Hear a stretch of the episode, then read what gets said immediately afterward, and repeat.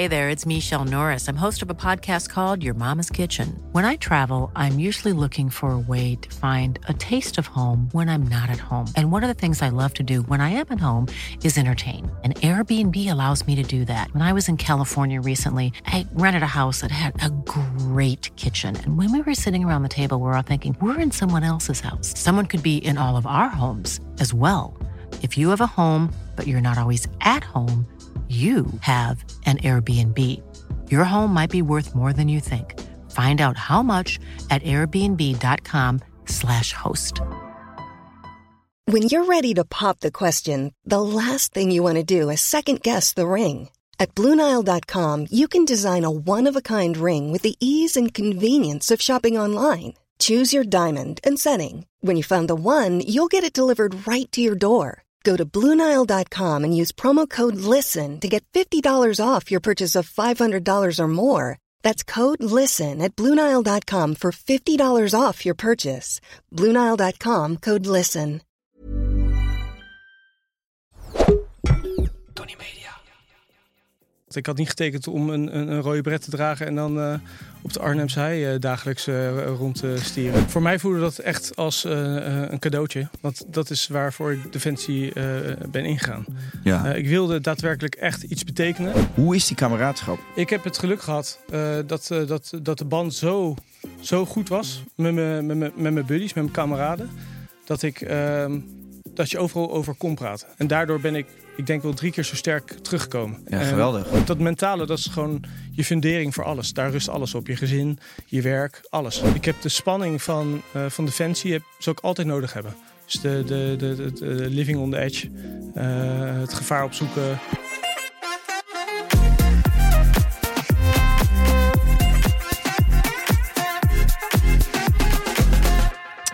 Dames en heren, welkom bij weer een nieuwe aflevering van F Relativeren de podcast. En deze keer zit ik tegenover Hille Hillinga. En uh, dit is een samenwerking met Defensie. En die is ontstaan vanuit het feit dat ik uh, heb deelgenomen aan het programma Special Forces VIPS. Ik ben daar heel erg onder de indruk geraakt van de mentaliteit die heerst bij Defensie. En waar je over moet beschikken bij Defensie. En uh, het leek mij heel erg interessant om met iemand van Defensie in gesprek te gaan. Hille, dankjewel voor je komst. Jij ook bedankt dat ik hier mag zitten. Ja. Een verhaal mag doen. Hoe vind je dat? Je zei net tegen mij, ja, ik ben eigenlijk beter achter de camera dan voor de camera. Vind je Ja, het spannend nee. om hier te zitten? Ja, gezonde spanning. Gezonde spanning. Ja. Ja. Maar ik vind het wel heel leuk. We, komen er, eh, we komen er wel uit met z'n tweeën, dat beloof ik je. Ja, goede zaak. Hey, ehm, het is buiten op dit moment eh, 40 graden. Dus als je de zweetdruppels van ons hoofd ziet druipen, dan eh, weten jullie dat in ieder geval. Eh, we zitten hier in een eh, ja, toch wel benauwd hokje. Maar we hebben een, eh, een waaier aangezet. Dus ik hoop dat we, tot we het redden. Ja, dit trekken we wel. Oké. Toch? Hey, ik wil gelijk even beginnen met eh, te vragen. Hoe is jouw eh, avontuur bij Defensie gestart? Mijn carrière bij Defensie is begonnen in 2006 bij eh, de luchtmobiele brigade, Rode Bretten. Infanterie-eenheid. Ehm, ja, ik was als kind al een droom om militair te worden en daadwerkelijk gewoon de actie in te gaan. Ja. Altijd sportief geweest, dus daar ben ik begonnen. En na mijn opleiding, mijn zware opleiding, toen ik mijn rode beret haalde, werd ik gelijk, gelijk eigenlijk eh, klaargestoomd voor mijn eerste uitzending. Dus in 2006 begonnen, 2007 gelijk naar Afghanistan. En was jij in 2006 was je 18, denk ik? 19. 19. 19, die Ja. leeftijd. Ja, Dan ben je nog, eh, dan ben je nog jong. Ja. Het leven is sowieso dan één groot avontuur. zeker weten. Eh, en dan word je redelijk snel uitgezonden. Ja. Hoe was dat? Ja, mega. Je wordt in dat half jaar dat je opgeleid wordt eh, tot militair, eh, daar krijg je al eh, eh, zoveel discipline mee en eh, broederschap en eh, te- teamwork, wat je, wat, je, wat je leert te doen. Ja. Eh, en daarna krijg je direct een half jaar opwerktraject naar een uitzending, waar je dus als een geoliede machine wordt gemaakt om daadwerkelijk in missiegebied je trucje te kunnen. ja. Dus ik was helemaal, ja, helemaal gefocust op dat. En dat was echt mijn leven. Dus uitgaan, zuipen, dat deed ik niet echt. Nee, want als ik dan even incheck met een 19-jarige Kai. Die was met hele andere dingen bezig op dat moment. En ik was ook wel redelijk losgeslagen projectiel, om het maar eh, zacht uit te drukken. Eh, jij had op dat moment heel veel discipline en eh, ja. Hoe, hoe, hoe, hoe zag het... Vond je het moeilijk om op, op jonge leeftijd Nee. binnen dat geheel te lopen? Nee, zeker niet. Nee, ik heb er bewust voor gekozen. En ik ben daarvoor helemaal losgegaan. Ja, Nee, ik, ik, ik ben... ehm, tuurlijk hield ik van een feestje en dat kon allemaal wel. Maar je weet ook wel dat je gewoon na het weekend, gewoon maandagochtend weer paraat moet zijn om je trucje te kunnen. eh, je oefeningen te doen, eh, te kunnen schieten en eh et cetera. Dus Ja. het, was een, het is een lifestyle. Dus je, er- er- je kan heel veel plezier hebben bij Defensie en buiten Defensie. Dat kan je heel goed combineren. Ja, maar ik denk toch dat heel veel eh, jongeren zeg maar, heel veel afleiding hebben op die leeftijd. Ja. Maar jij hebt iets gevonden binnen Defensie waar je op dat moment van dacht, dit vind ik belangrijker. En eh, hier ligt alle focus op. Kan, je- kan je me uitleggen, wat was het wat het zo bijzonder maakte? Ik denk echt eh, de vriendschap die je creëert met je, met, met je buddies. Ja, Ehm, en ehm, ja, hoe zou ik dat uitleggen? Eh, het, het stukje, het, het medische wat je meekrijgt in de, in de basisopleiding. Het schieten, eh, eh, voor elkaar er kunnen zijn en daadwerkelijk de, de klus klaren. ja. Als, als, een, als een groep, als een grote machine. En dat denk, ik denk dat dat gewoon, dat is mega. Als je dat, als dat kan. Ik kan me voorstellen, als je in de opleiding zit, dan, dan is alles nog een training. Ja. Je maakt mega interessante en toffe dingen mee. Alles is avontuurlijk, je leert veel. Maar dan word je op uitzending gestuurd en dan wordt het natuurlijk echt. Ehm, hoe voelde dat voor jou op dat moment?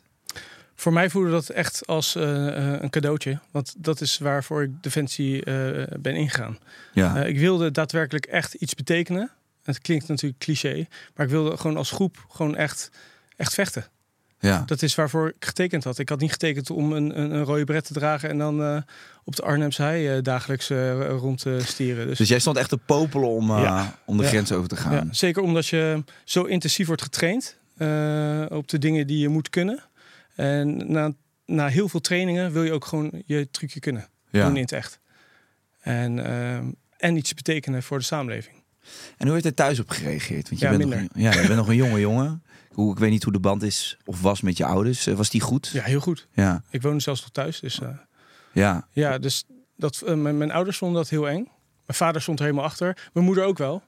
Ehm, maar ze vonden het wel echt doodeng. Omdat Ja. zij natuurlijk eh, het nieuws meekrijgen. En daar zie je eigenlijk alle heftige dingen. En wat deed je dan om ze gerust te stellen? Ehm, laten zien eh, hoe groot spierbal, spierbal ik had. Ja? Ging je zo in de woonkamer ja, zo in de woonkamer. Nee, ze, ze, ze hebben er volle vertrouwen in. En ze, eh, ik, ik nam ze mee in, in mijn trainingen. En wat ik deed per week. En ze wisten gewoon dat ik in goede handen was. Ja. Het blijft altijd eng. En die angst zal je nooit weg kunnen halen bij een ouder. Maar ja, we gaan gewoon. En dan moet ze achter mij staan. Want mijn thuisgrond, dat is mijn fundering. Ja. Als dat onstabiel is, dan ga je ook niet 100% gefocust eh, die missie in. Toch ben ik dan benieuwd hoe je dat moment, die dag dat je, dat je uitvliegt, hoe neem je een afscheid? Eh, Neem, je- geef je dan een snelle knuffel of juist een hele lange knuffel? Of hoe, werkt zoiets? Ja, je, je komt dus dan eh, op Eindhoven Airport. Ja. En daar komen alle militairen. Dus al je maten komen er bijeen. En de ouders zijn er omheen. En dat is natuurlijk een beetje gek. Je Ja. ziet dan ook vriendinnetjes een beetje zo van... Ah ja, ik moet een knuffel geven, maar ik ben heel stoer. ja. Dus dat, dat wereldje is natuurlijk een beetje stoer. Maar natuurlijk geef je ouders een knuffel en dan komt er een traan. Dat is toch Want- best wel emotioneel, denk ik, als je daar met z'n allen zo ja, staat. zeker weten. Ja, want je gaat als groep weg, maar je laat ook iets achter. En je hebt er volle vertrouwen in eh, op die missie dat, dat wij gewoon als groep gewoon goed kunnen functioneren. En dat we ons er doorheen slaan. Maar we weten ook dat er heel veel onmacht is door bijvoorbeeld een bermbom. Ja, Of eh, eh, dat het even fout kan gaan. ja, Dus ja, dat, op dat moment realiseer je dat wel eventjes. ja. Dan gaat het stoere laagje even weg en denk je, oh fuck, we gaan. Het is voor het echt nu. Ja. En ehm, het lijkt me ook best lastig om, om veel contact te onderhouden met thuis. Als je daar bent, of is die mogelijkheid er wel? Die mogelijkheid is er zeker. Ja? We hebben zelfs eh, een, een, een, ja, een beveiligde verbinding, waardoor je gewoon eh, kan appen als je op de basis bent en als Ja. je niet op missie bent. Want als je de poort uitgaat, zeg maar, dan blijven die telefoontjes allemaal eh, in een kluis liggen. Ja.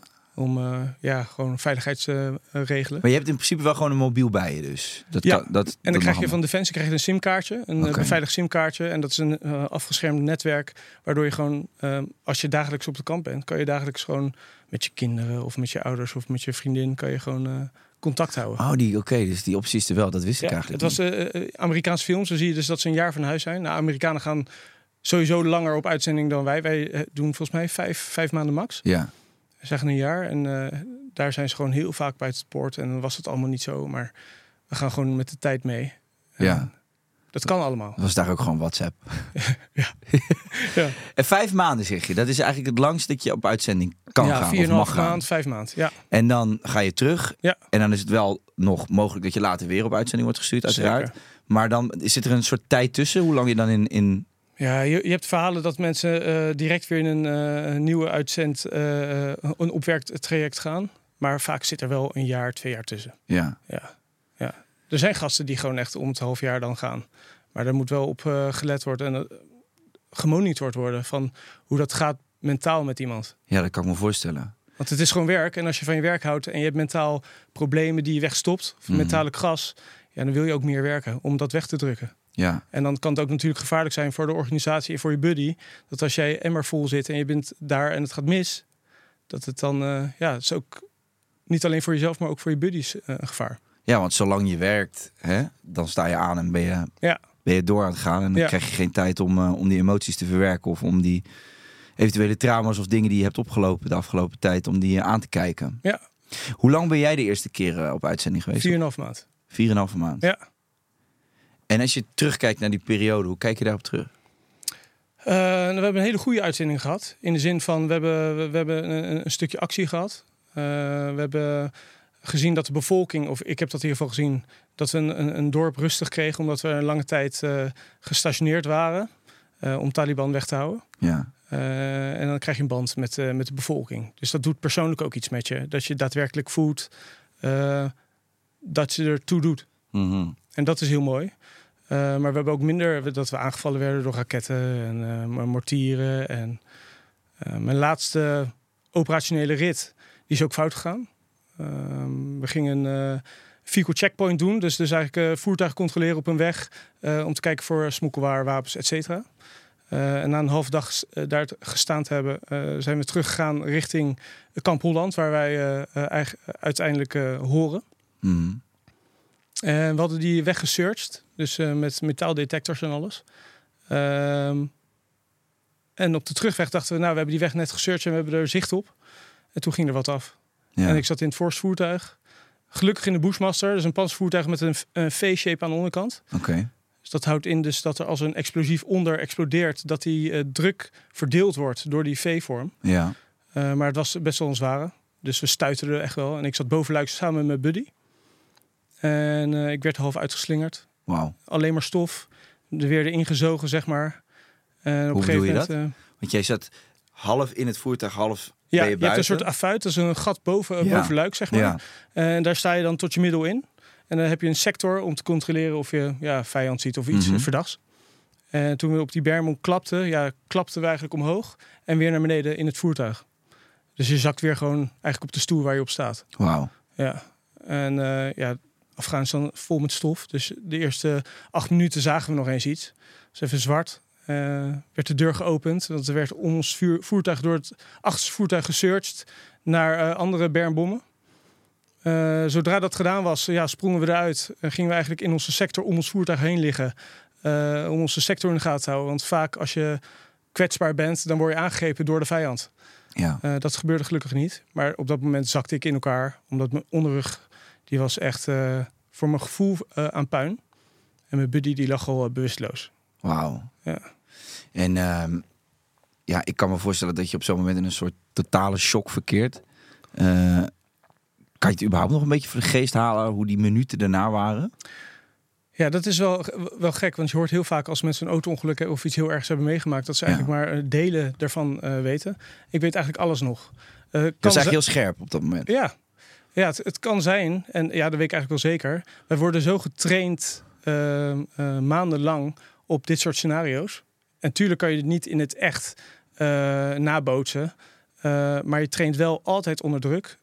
en onder stress. En onder vuurgevechten Ja. in oefeningen. waardoor je gewoon je trucje kan. En toen die berm explodeerde, ja, dan ben je eventjes weg. En als je weer bij bent, dan kom je weer terug in die bubbel of in die, in die drill. En dan ga je dat gewoon uitvoeren. Want op dat moment eh, zijn dat de belangrijkste minuten eh, om, om dat moment te overleven met jouw groep. Stel dat, het, eh, dat we worden aangegrepen door de vijand. Dus je gaat dan direct in een overlevingsmodus. Ja. Maar Die knop gaat om. je hebt wel, hè, je voelt inmiddels wel dat je vreselijk last hebt van je rug. Ja. Pijn. Ja. Ehm, hoe zijn jullie er uiteindelijk uitgekomen? Uit die situatie daar? Nou, uiteindelijk ehm, eh, werd ik overgenomen door een buddy. Om mijn sector eh, te pakken, omdat ze zagen dat ik er niet helemaal lekker bij lag. Ja, En toen zakte ik eigenlijk een beetje weg, omdat toen de druk weg was. ja. Ik werd overgenomen door iemand, dus ik kan weer. Adrenaline gaat uit Ja. je lichaam. Dus toen ben ik eh, samen met mijn buddy eh, eigenlijk weggebracht of opgehaald door een Amerikaanse Black Hawk eh, naar het kamp, naar kamp Holland. Kwamen op de Rol 2, dat is een, een, een ziekenhuis in, in de militaire wereld. Heb ik twee dagen gelegen, eh röntgenfoto's gemaakt. Gelukkig niks. Eh, maar die druk van die, eh, ehm, die klap, dat, dat is gewoon niet goed voor je spieren en voor je, voor je wervels. Dus dat heeft zo'n dreun gekregen. Dat ik er gewoon eventjes eh, een paar dagen verstijfd bij lag. Ja, dat kan ik me voorstellen. Ja. Dus- Alles, alles spat natuurlijk samen en laat daarna weer los. Ja, ja. Dan ben je vervolgens uit die heftige situatie. Ja. Je bent terug op het kamp. Dan begint langzaam een soort film af te spelen in je hoofd met wat er gebeurd is. Hoe, hoe verwerk je zoiets? Nou, direct op het kamp eh, eh, mag je je ouders bellen. Eh, ja, dan raak je emotioneel. Ja. Omdat je, dat is je enige tastbare emotionele op dat moment. Dat is, ze zijn zo kostbaar voor jou. En zij zijn dan al ingebeld van, hé, er is iets aan de hand. Je wordt zo gebeld. Dus ze zijn ook helemaal op, ja, ontploffen, zeg maar. Ja. En dan, dan komt het even los. Maar daarna kan je erom lachen. Ga je er grapjes om maken. En dat is ook een beetje de men- mentaliteit bij Defensie. Je maakt overal een grapje van. Gewoon de humor in de, in de, in de donkere kant eigenlijk. Ja, ja, ja. En- Om- Het is ook een manier om te relativeren. ja, dat. Is dat altijd goed, denk je? Eh, op, op die momenten is dat onze manier van Ja. eh, verwerken. Eh, wat er maanden daarna eh, met jouw hoofd gebeurt, dat moet je in de gaten houden. Ja. Want vaak stop je het in die rugzak. En dan denk je, het komt wel goed, ik ga weer door. ja. En ik denk dat dat het eh, gevaar is. En daar zit eigenlijk het grote werk. Ja. In dat natraject. Ja. ja. Ja. Als je daar eh, ja, dan eh, in dat kamp bent en, en je hebt zoiets heftigs meegemaakt. En ik kan me voorstellen inderdaad, als je dan met je ouders praat, word je heel emotioneel. Vervolgens hang je die telefoon weer op. En dan ja, heb je eigenlijk daar op dat moment alleen je kameraden. Ja. Beschrijf die kameraadschap eens aan mij. Als je, als je in zo'n situatie bent geweest, wat heb je dan aan elkaar? En hoe, hoe help je elkaar? Daar buiten het feit dat je dan grapjes kunt maken onderling om dingen te relativeren. Hoe, hoe is die kameraadschap? Ik heb het geluk gehad eh, dat, eh, dat, dat de band zo, zo goed was met mijn met mijn- met mijn buddies, met mijn kameraden, dat, ik, ehm, dat je overal over kon praten. Dus als wij eh, een incident met een hond hadden of met een kind wat we, wat, wat we zagen in een, in, een, in een dorp, dan konden we dat uitspreken tegen elkaar van eh, zo zag je dat. En dan, daar maakte je geen grapjes over. Nee. Maar dan kon je wel even uitleggen van... hey, op, een, op een manier van het doet wat met me. Of het Ja. heeft iets met me gedaan. En dat wordt dan gedeeld zonder dat je uit wordt gelachen of wat dan ook. En ik denk dat dat stukje verwerken al zo belangrijk voor jezelf is van... oh, ik ben niet alleen die er hiermee zit. Nee. En ehm, dat je nu... Het is volgens mij nu 13 jaar geleden dat het gebeurd is. eh, dat ik nog steeds word gebeld door kameraden. hey, heel, hoe gaat het? Omdat ze weten eh, dat ik eh, last heb gekregen daarna van eh, ja, mentale problemen. Dat, dat, dat doet iets met me. Dat, dat, dat, dat is een soort van broederschap. En is dat eigenlijk dan niet vanzelfsprekend binnen Defensie dat je, dat je daarover praat? Eerst er een beetje een, een, een sfeer van, ah joh, niet lullen maar poetsen, we gaan door. Ja, Niet te veel met je emoties bezig zijn, want dat Het- leidt af. Of... ja het, is, het is een beetje ehm, waar, waar, waar de rest stopt, dan gaan wij door. Dat is een beetje ons motto. Ja. En als je dat door blijft gaan, kijk, als je aan een stuk aan het stompen bent eh, en je moet nog een paar kilometer, dan moet je die knop omdraaien. ja, exact ja. En dat is mentaal op dat moment moet dat ook. Maar je moet die knop wel weer om kunnen zetten. En gewoon mens kunnen zijn. En kunnen denken, zo, wat heb ik meegemaakt? En eh, hoe ga ik daarmee om? Of hoe gaat mijn buddy daarmee om? Ja, Dat vind ik dus een hele interessante, want inderdaad, in de missies, in het werk zelf, Ja. moet je die mentaliteit wel hebben van we gaan door. En die emoties op dat moment moet je denk ik kunnen parkeren om Ja. eh, uit die situatie te komen. Maar er is ook nog een leven na die situaties. Ja. En die is vaak, hè, als je weer thuis bent in je woonkamer. eh, en en dan, dan grijpt het je. En dan, dan heb je er natuurlijk niks aan. Als je denkt van nee, ik stop het weg en ik ga door. Dan moet je het juist aankijken, denk ik, die gevoelens en die emoties. En ehm, dat heb jij ook ervaren thuis, toen je thuis kwam terug van uitzending?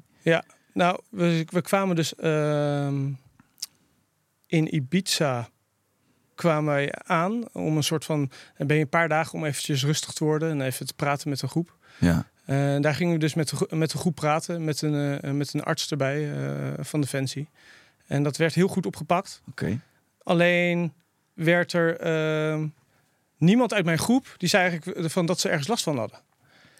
Eh, Want hoe gaat zo'n gesprek dan met zo'n arts? Je ja, die komt zit net daarbij. uit het gebied. Ja, je bent toch helemaal soort van afgezond, helemaal zo ja. hyped en eh, ook nog een beetje. eh, En dat is op Ibiza? Ja. Oké. ja. Ja, ik woon daar, dus dat vind, Ja. Dat vind ik een grappige. Die had ik niet zien aankomen. ja, nee, we hebben daar een soort van grote villa waar we dan een soort van tot rust komen met een zwembad en zo. Ja? Dus we gaan niet eh, uit. Nee? Nee, nee, nee. We blijven echt met z'n allen daar. Dus even twee dagen voordat we echt naar huis eh, vliegen. Oké. Om niet dat moment te creëren dat je dus uit de oorlog direct zo thuis staat. Op Ja, Eindhoven ja, zo. We rijden naar huis. Nee, ja, dat klinkt heel logisch. Even rustig, even een biertje. Ja. En dan even, eh, even bijkletsen met z'n allen. Ja. Dus een soort van verplichting, maar heel goed van Defensie dat ze dat doen. Ehm, ja, en op dat moment kwam er niemand eh, uit de groep met van... eh, ja, ik heb, ik, ik heb eigenlijk wel last. Of ik... eh, dat was eigenlijk ja, wel een goede uitzending gehad en toffe dingen gedaan. En toen durfde ik mijn bek niet open te trekken. En dat is mijn valkuil geweest en mijn, mijn, mijn fout. Terwijl je had iets mega heftigs Ik had iets meegemaakt. Ja, precies. Maar we hebben erom gelachen.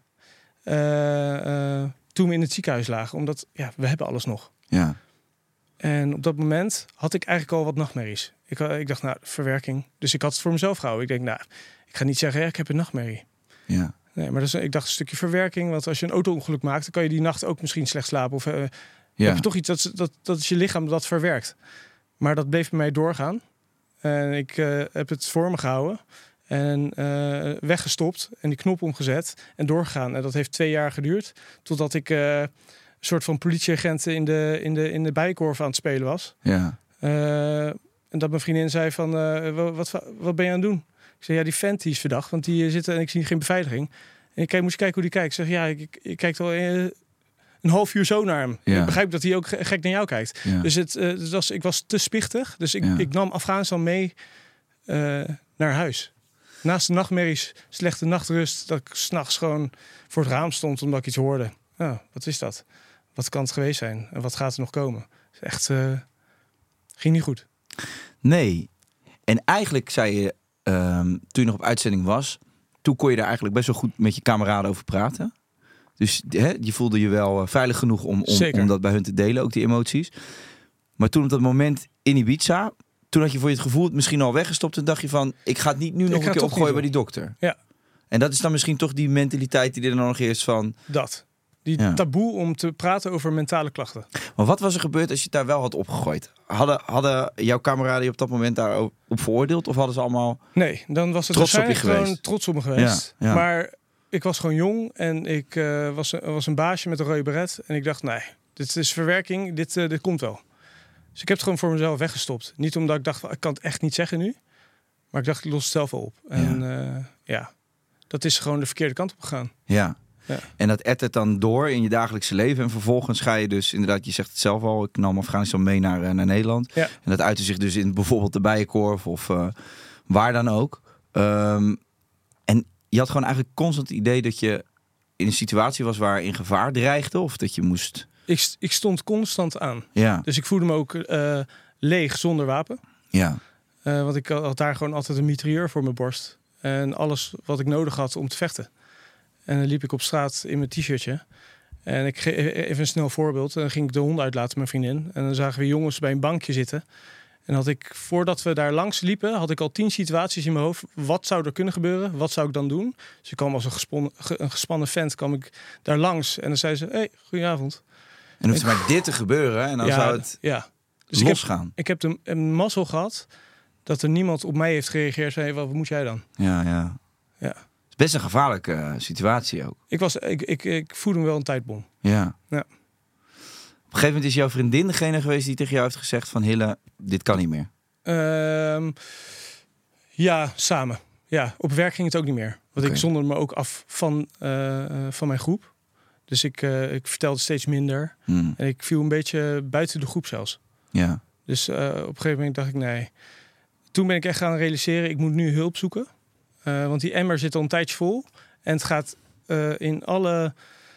Overal gaat slecht. Thuis, op mijn werk. Eh, en ja, toen heb ik hulp gekregen van een arts. Ehm, dus de hand, handgrepen aangereikt. En ik moest een bezigheidstherapie kiezen. Omdat ik gewoon, ik zag het gewoon niet meer zitten. Toen heb ik fotografie gekozen.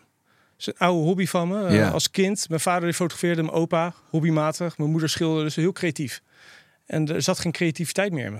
ik dat opgepakt. En dat met sport heeft mijn leven echt weer helemaal op de rails gezet. Wauw. Ja. Ehm, dat gesprek hè, met, die, met die arts. Ja, Ja, waar begint zoiets? Want ehm, je loopt daar al 2,5 jaar mee. Ehm, hè, kun, dat noem je een trauma? Is dat Ja. het juiste woord? Ja. ja. Je loopt al 2,5 jaar met een trauma. Dat heeft zijn weerslag op hoe je dus in het dagelijks leven staat. En echt steeds, ja, steeds bijna onmogelijk wordt om nog te functioneren in het dagelijks leven. Ja. Ehm, waar begin je in zo'n gesprek? Kan je dat nog herinneren? ze vragen in eerste instantie wie ik ben en waar ik vandaan kom. Ja. En dan krijg je dus eigenlijk, ze willen precies weten wie, zich, wie, eh, wie voor zich zit.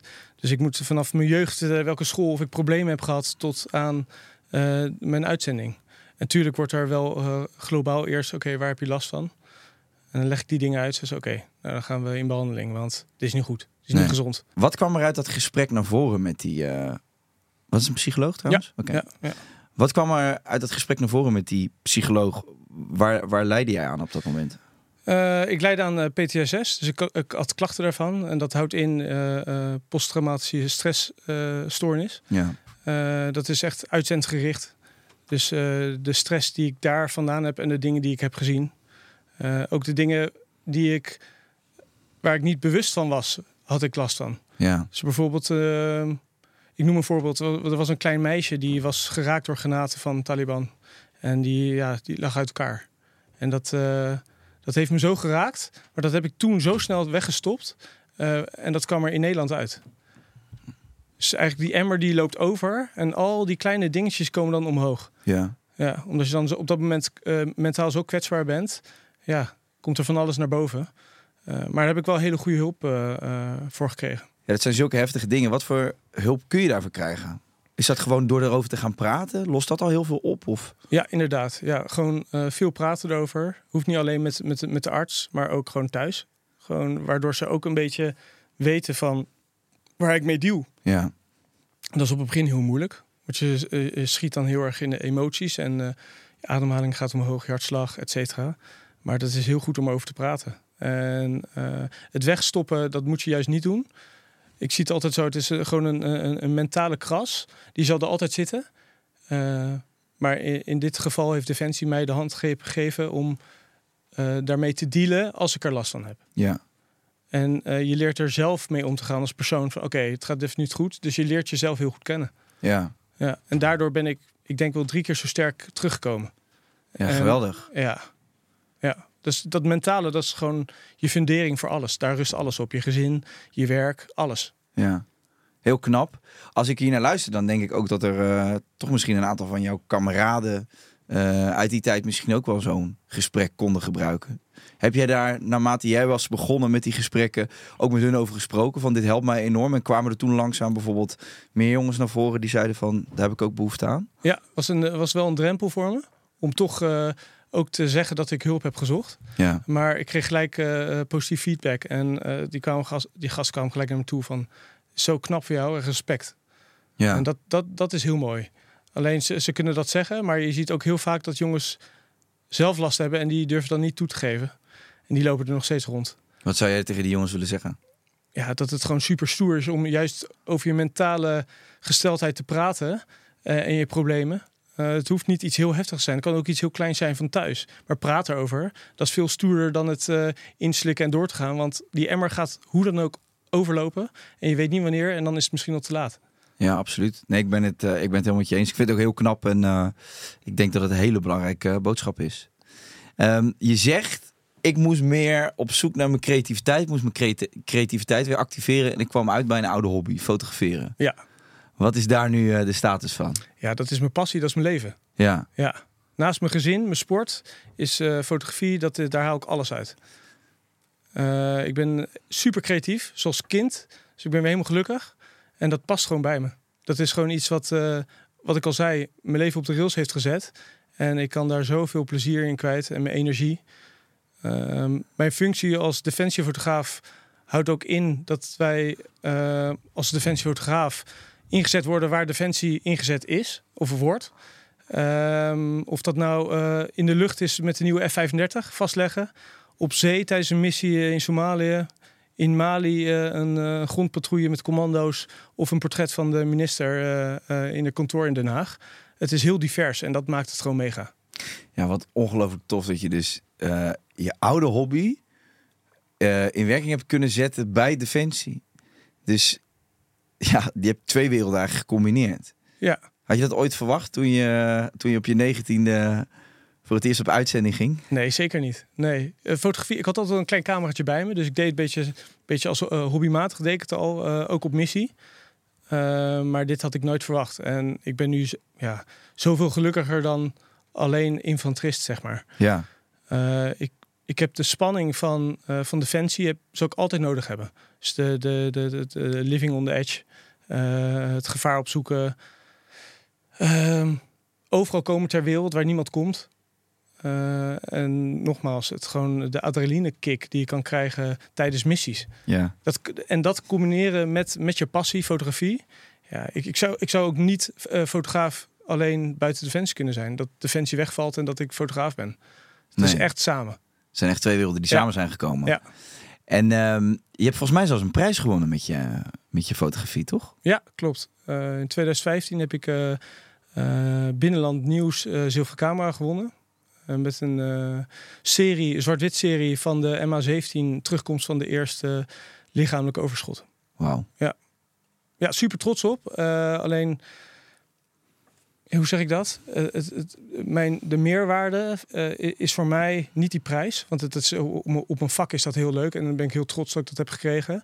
Maar de waardering van de, de, de overlevenden en de, de familieleden van de getroffen mensen die heb ik heel erg, ja, dat zit me heel erg hoog. Of in ieder geval, dat, dat doet me heel veel. Dat Ja. ik hun foto's heb van hun laatste afscheid.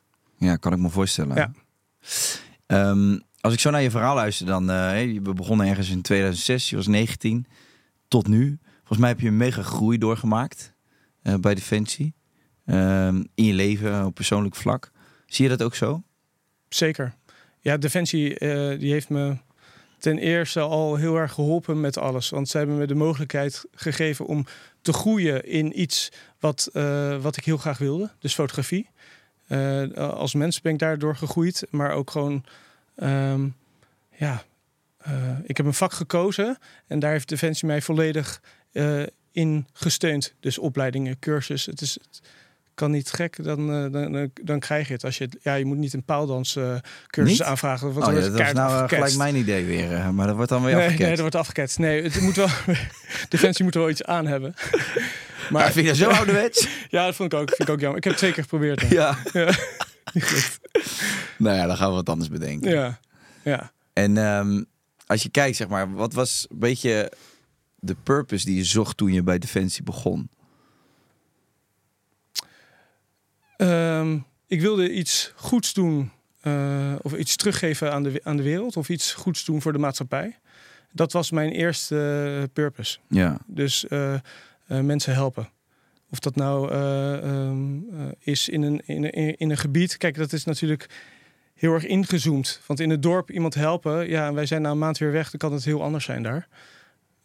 maar voor mezelf iets goed doen, dat, dat was voor mij heel erg belangrijk.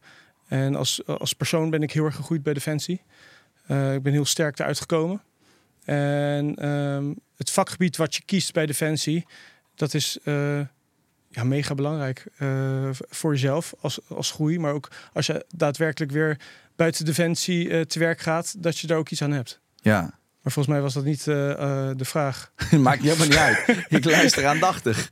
Maar is die, is die purpose nog steeds hetzelfde nu, nu je jaren verder bent? Ja, ja, ja. ja. Voorheen als infanterist en ik ging op uitzending, uh, deed ik uh, uh, vooral mensen helpen. En ik doe nu bijvoorbeeld. Met mijn foto's help ik ook de wereld. Ja. Dus ik, wij, ik, laat zien waar Defensie zijn steentje bijdraagt. Ja. iets, iets heel negatiefs. Uh, maar als een collega overlijdt, dan doe ik alle foto's maken voor de nabestaanden. En voor uh, van het hele afscheid, van de begrafenis. Waardoor ze een mooi afscheidsboek krijgen. Ja, dat is heel cru, uh, klinkt dat. Maar dat hoort er ook bij. Ja, dat is ook, ook super dankbaar heel, werk. Precies. Ja. ja. Dus ik heb ook wel gewoon nog steeds het gevoel dat ik ertoe doe. Ja. En dat ik mijn steentje bijdraag. Hey, je was 19 eh, jaar toen je begon, 2006. Ehm, inmiddels zijn we jaren verder, er is veel gebeurd.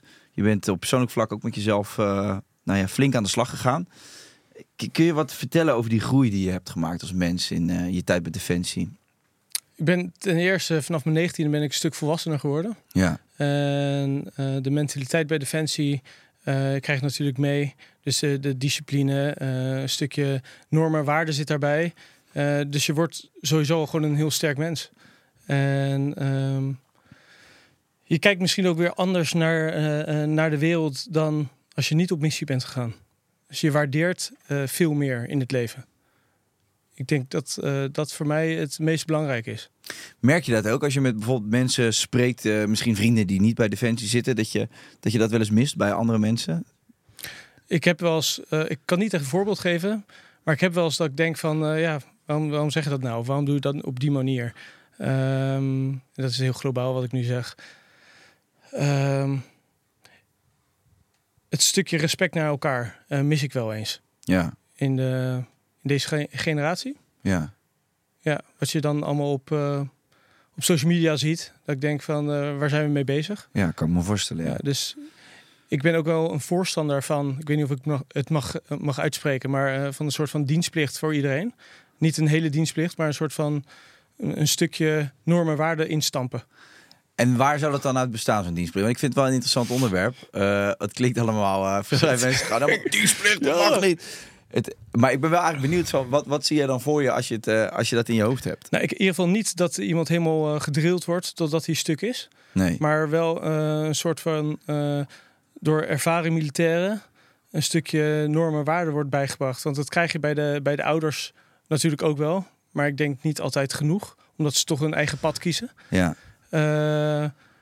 Um, wat zie ik voor me? Ja, in ieder geval een aantal maanden gewoon dat ze eventjes intern zitten. Ja. Gewoon even uh, tot jezelf komen in groepen. En gewoon ook dat groepsverband leren kennen. Ja, daarom vind ik het interessant dat je dat zegt. Want kijk, ehm, ik zou echt bij dienstplicht... Ehm, misschien is het ook niet het juiste woord om te gebruiken... omdat je krijgt daar toch een beetje kippenvel van. Ja. Maar als ik dan kijk naar... Ik heb dan zeven dagen in het programma gezeten van Special Forces VIPs. Nou ja, dat is niet te vergelijken met wat jij hebt gedaan. En uh, ik wil het niet eens uh, ernaast zetten. Maar het stukje broederschap, dat hebben wij ook wel ervaren in die zeven dagen. En dat was wel um, ja, wat ik er heel erg mooi aan vond. En um, ja, ook dat je, dat je in zo'n korte tijd zo'n bizar uh, goede band met elkaar krijgt door wat je daar deelt. Dat is niet iets wat je in dagelijks leven meemaakt. En ik vond dat wel heel bijzonder. En ik, ik, dat gun ik ook zeg maar al mijn vrienden om, om dat om dat eens mee te maken. Um, dus ik denk dat het helemaal niet verkeerd is. En ik vond ook wel uh, het stukje verantwoordelijkheid nemen over je eigen spullen. Dat is misschien iets heel kleins. Dat je tas altijd in orde is. En dat je gewoon zorgt dat je niks kwijtraakt. En het zijn allemaal dingen die je in dagelijks leven heel goed kan gebruiken. En zeker als je 18, 19 bent, waar je misschien nog uh, de hormonen gieren door je lijf en je vliegt alle kanten op. Dan denk ik dat het best wel goed is om uh, op zo'n manier um, gewoon wat sturing te krijgen en wat dingen te leren. En dus ik ben daar ook wel anders naar gaan kijken. Ja. Uh, maar ik zie dat dan meer gewoon als een soort training waarin je jezelf uh, uh, wat weerbaarder maakt. Ja. ten Nee, opzichte ik- van de wereld. Ik denk dat dat, eh, ja, je, precies wat jij zegt. Eh, dus niet echt een, een, een dienstplicht, maar Nee. gewoon een, een aantal weken. En ik denk dat je het daar zeker naast mijn verhaal kan zetten. Want eh, ja, de commando's eh, die, die, die hebben zo'n goed programma in elkaar gezet. Dat jij in zeven dagen hebt kunnen proeven wat Defensie eigenlijk inhoudt. En Ja. wat het inhoudt om jouw buddy mee te trekken. En niet zelf voorwaarts te gaan van zo, als ik maar bij de finish ben. Ja. Het is samen uit, samen thuis. En eh, ik denk dat dat super belangrijk is. En dat voorbeeld van eh, dat je je tas goed ingepakt is, dat is gewoon de basisdingen. Net als je bed opmaken. Eh, als je een rotdag hebt eh, gehad en je komt thuis en je bed is een, zootje, daar, heb je geen zin in. Dus het is, het is gewoon Het zorgt voor structuur in je leven. structuur in je leven. En ze zijn er thuis ook blij mee. Dus dubbele winst. Precies. Nou, maar dat was wel ook met eh, veel televisieprogramma's zijn redelijk individualistisch. Omdat je dan eh, vaak een spelprogramma speelt waarin je moet winnen. Ehm, of moet winnen, dat is dan het doel. En hier, wat ik leuk vond aan Special Forces, was dat, dat in theorie kan je het met z'n allen halen. En je wil het eigenlijk ook. Op een gegeven moment waren wij nog met z'n drieën over. En het, je wil dan ook met z'n drieën, wil je dat Die streep over. ja, wil je die streep over. En dat maakt ook die hele ervaring veel bijzonder, meer bijzonder. Want op het moment dat je daar nog in je eentje had gestaan, één, denkt dat je het niet gehaald had. Maar twee, je mist ook zo dat, dat delen van, eh, van het leed, maar ook van, van de euforie aan het einde, zeg maar, als je die streep haalt. Ja. Dus ik vond dat, ik vond dat ook heel bijzonder Ja, om mee te maken, ja. gaaf. Ja, Ja, mooie ervaring dus. absoluut. Ja. Absoluut. Hele bijzonder verhaal. Ik wil je heel erg bedanken voor het, eh, voor het delen hiervan. Eh, ja, er is een hoop gebeurd, hè. Vanaf eh, 2006 tot nu. Fotograaf bij Defensie. Voor de mensen die dus denken van... je kan bij Defensie alleen maar... eh, ja, eigenlijk eh, actie beleven. En eh, het is altijd heftig en, en zwaar. En er zijn heel veel verschillende facetten bij Defensie... Hè, die je kunt, eh, kunt doen. Veel mensen weten dat volgens mij maar niet. Je kunt bijvoorbeeld ook gewoon tandarts worden bij Defensie. Ja. Als je dat zou willen. Klopt, klopt. Fotograaf, nou ja, dat heb jij al aangetoond. Ja, het is eh, de sky's the limit. Je kan, je hoeft niet. Ik, ik heb er natuurlijk in 2006 voor gekozen om bij de luchtmobiele brigade te gaan, wat natuurlijk wel wat heftige infanterie is en wat een stuk zwaarder is. Maar dat hoeft helemaal niet. Je kan ook bij, bij de marine op een schip werken en daar heb je niet een, een super zware opleiding. Nee. Tuurlijk moet je van avontuur houden en moet je fit zijn eh, en moet het wereldje je passen. Eh, maar de, de lat ligt helemaal niet zo hoog als mensen denken. Ja. Dus je kan tandarts worden, je kan zelfs in, een, in het restaurant eh, werken. Wat je wil. Ja, dat is zo grappig. Eh, ik denk dat echt heel veel mensen dat niet weten. Maar mocht jij nou naar dit gesprek geluisterd hebben en denken van, weet je, ik vind het verhaal van heel interessant en ik vind het verhaal van Defensie interessant en de facetten die daarbij komen kijken. Ehm ja, ga dan even naar werken bij defensie.nl en eh, misschien ligt eh, jouw droomjob daar wel op jou te wachten. Dames en heren, bedankt voor het kijken. Ja, vergeet niet te abonneren. Laat een leuke reactie achter. En nogmaals, mocht je geïnteresseerd zijn, ga naar werken bij defensie.nl. Hille, jij mega bedankt voor het delen van je verhaal en voor je openhartigheid. En ik hoop dat je mensen motiveert en inspireert om eh, vooral ook open te zijn over eh, ja, alles wat ze dwars zit. En eh, ook om hun dromen na te gaan. Zeker. Jij ook bedankt. En tot snel. Ciao.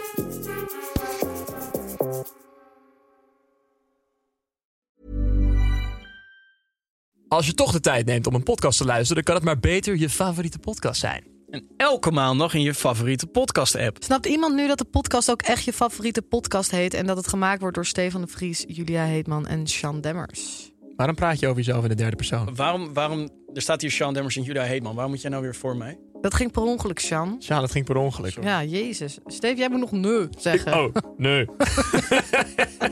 Je